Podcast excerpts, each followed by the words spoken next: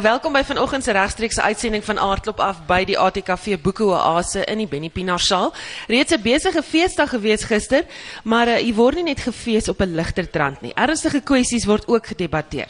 Nou die kwessie rondom grondhervorming in Suid-Afrika gaan nooit opgelos word nie as die emosie wat daaraan verbind is nie erken word nie. Dit was een van die uitkomste by 'n landbougesprek by die Aardklop Redekabel Diskoersgesprek wat oor landbou sake die week hier aangebied word. En ons praat nou met die leier van die IDM, generaal Bantu Olemisa en Theo Boshoff die hoof van die afdeling regsintelligensie van Agbus, dis die Landbou Sakekamer. Goeiemôre, welkom hierso. Good morning General. Goeiemôre. Môre Theo. Môre. Um, General, let's start with you. The question of land restitution continues to be a hot debate topic with no resolution, it seems. Why do you think this is the case? Well, first of all, land reform uh, is one of the critical tasks task, uh, to, to be addressed after 1994. Uh, South Africa has not done sufficient, sufficiently enough, and it has been uh, crowded by lack of uh, people with skills in the administration to address this issue, although there is political willingness. Added to that has been the high level of corruption in this exercise. So we still need to make sure that uh, we raise the issue of land to be higher up in the priority, especially uh, in Parliament. En Theo ek wil vir dieselfde vraag vra. Jy weet, ehm um, hoekom dink jy is daar nog nie oplossings hiervoor nie? I think the general mentioned uh, made a very good point that there's a political will in and it's it's it's raised quite high in terms of the political priorities. But that also has to be matched with a requisite budget, and it also has to be matched with making the available resources, both both human capital as, as well as financial capital, available to to to achieve the results that we're looking for. General, um, how long have the country tried to do land restitution? Well, since 1995, 96, well, the, the government unfortunately has failed uh, to anticipate the scope and magnitude of the problem and has therefore not responded to it adequately. So, this is a failure of our government. This is a government which has failed in many areas. They, they have even failed their own people who give them votes in big numbers at, during elections. It's, it's a sad situation. But there's a history to land restitution. You mentioned uh, where it came from. It's like way back. So, how long have South Africa tried land restitution? Well, the issue of land has been here from time immemorial, the problem of land, right from the wars which were fought here by South Africans, black and white versus whites, and so on. Uh, but the government of uh, national unity, uh, or rather the CODESA negotiation, did not apply their mind too, too well on this issue because land is linked to economic em- emancipation. And we have failed South Africans to do, to do that.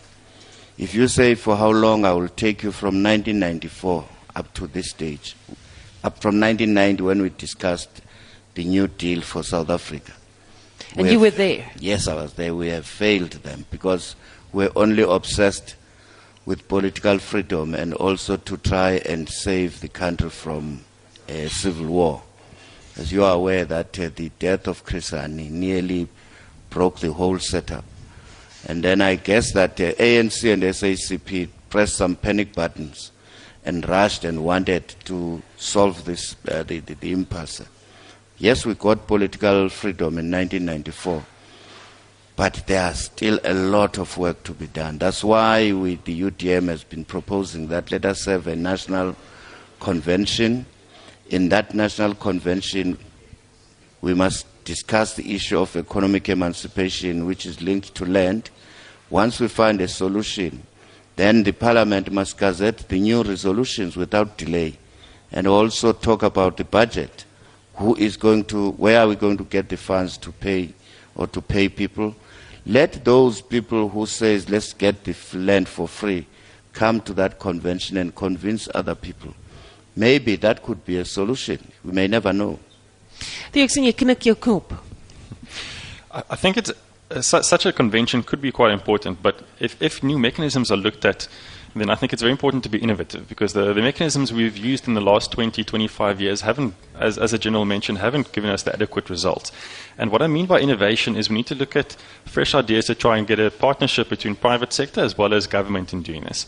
And the recommendation that we would, we would make is to have diversified and, and unique mechanisms to try and treat the different areas of land reform. Because land reform is an extremely wide, uh, a wide, a wide topic, and it affects a variety of, of people in South Africa. Now, there, there are instances where people require land for, for household food security purposes or for human settle pur- settlement purposes, but then, we, but then there's also a large aspect about transforming or, affecting transformation in the commercial agricultural areas. So, in certain instances that, that the economic or commercial argument can't be made out. Their government should prioritize its limited budget. Whilst if we're talking about transforming the commercial agricultural sector, perhaps a better way to use a budget would be through public-private part- partnerships and funding models whereby government can incentivize private financial institutions to grant soft loans. So, with, what I mean by a soft loan is perhaps um, something similar to what the Agricultural Credit Board did in, in, in the previous dispensation, where you can have a 40 year loan with a subsidized interest rate. Um, net so voor ons verder gaan, eh, as jy wil sien hoe die debat plaasvind, gaan na ons uh, Facebook bladsy, dit is www.facebook.com vorentoe skynstreek ZARSG. Dit word nou ge-livestream soos hulle noem. Nee, lyk like vir my as dit 'n probleem daar, maar intussen kan jy nou nou saam luister. Um Theo, ek wil vra, een van die kwessies wat tans baie aandag geniet is die boere wat grond ontvang om te boer maar nooit titelakte kry nie. Hoe groot is die probleem? Wat is die impak daarvan? Ek dink dit is 'n geweldige probleem. Jy weet, en as jy dit koppel aan finansiering spesifiek, want ons, jy weet, landboufinansiering, daar's daar's op die oomblik is jy weet skuld die landbou finansiële instellings, jy weet, om, om en weg 160 uh, miljard rand. En dit is krities in terme van ons moderne, jy weet, landbouekonomie om om krediet te kan kry vir, vir produksie. En daai krediet word hoofsaaklik ges, geseker, die sekuriteit wat gebruik word is die grond self. Nou sonder 'n titelakte of ten minste 'n langtermyn, jy weet 20, 30 jaar uh, huurkontrak, kan jy dit nie kan jy nie na jy weet 'n uh, na 'n bank benader om en daai sekuriteit bied om 'n lening te kry nie. So die so absoluut die titelaktes en is is is 100% gekoppel aan finansiering wat wat ook gekoppel is aan die potensiale sukses van die begunstigdes. General, where exactly is the government failing at the moment? Well, the government, uh, a lot of uh, farmers uh, have come forward to to ask to give up their farms, and they have been queuing, many of them, to get paid because that is what the law is saying today. Uh, but uh, the government uh, sometimes return that money to national treasury because of inefficiency. So that is why we are saying the ANC government is failing the people of South Africa on this issue. Uh, but we need uh, an immediate overhaul and redesign uh, of the Department of Land Reform to increase its capacity and efficiency and focus on the core function of land redistribution and restitution. So far, they have failed us, as I've said. We need to remove all the administrative backlogs and uh, red tape and reposition that department to accelerate the process of equitable land redistribution. Lastly, we need to restructure the budget of the department to earmark greater amounts of the budget uh, for the express purpose of equitable land distribution. Added to that, we, the government, would have to sit down with the, uh, the, the, traditional institution, the chiefs and, and, kings. For instance, in KwaZulu-Natal, they have got what they call uh, something trust uh, under, under the king of the Zulus. So you have to get a permission to, to, to do something in that area. Those permissions might be in conflict with the government policy. Also, in other traditional areas, you can't get uh, collateral because they say the land belongs to communal land.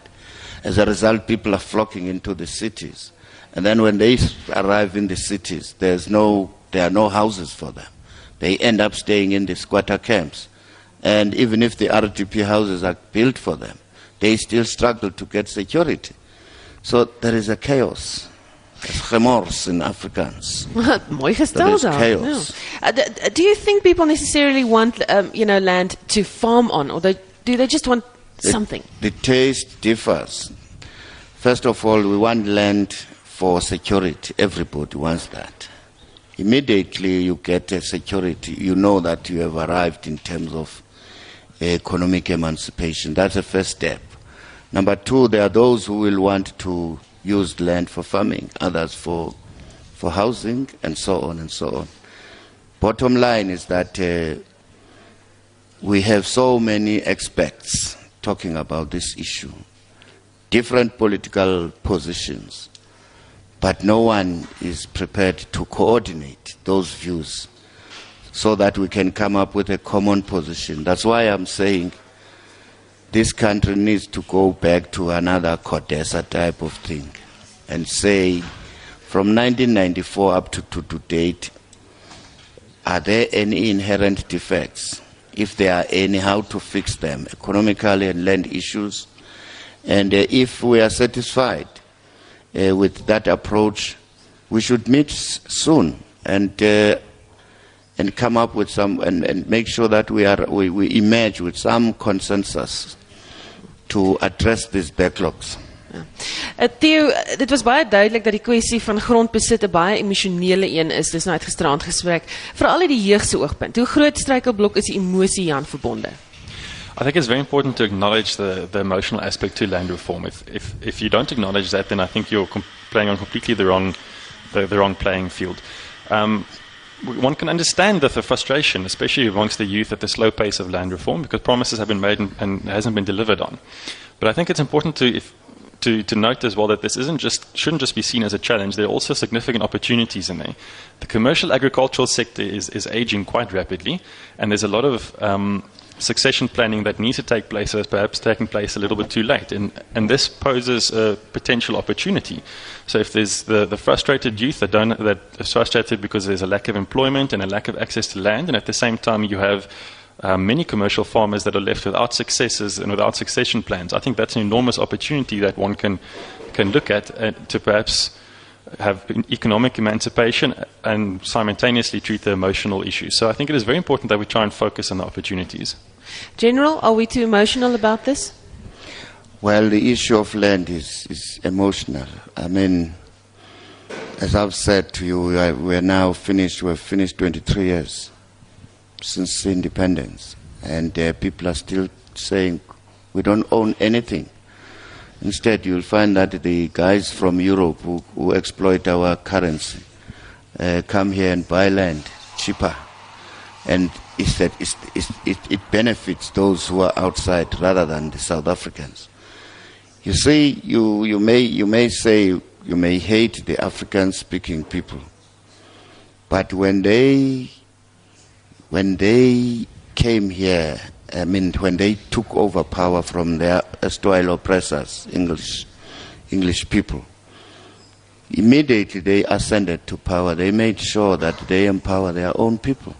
That's why you have today the farming community, established railways, ESCOs, ITC to help their own people.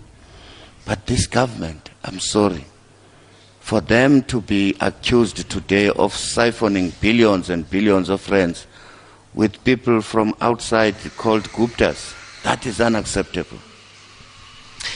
En dit was die stem van generaal Bantu Olemisa, hy is die IDM leier en Theo Boshoff hoof van die afdeling regsintelligensie van Agbus die Landbou Sakekamer wat saamgepraat het vanoggend en daarmee eers terug na Johannesburg.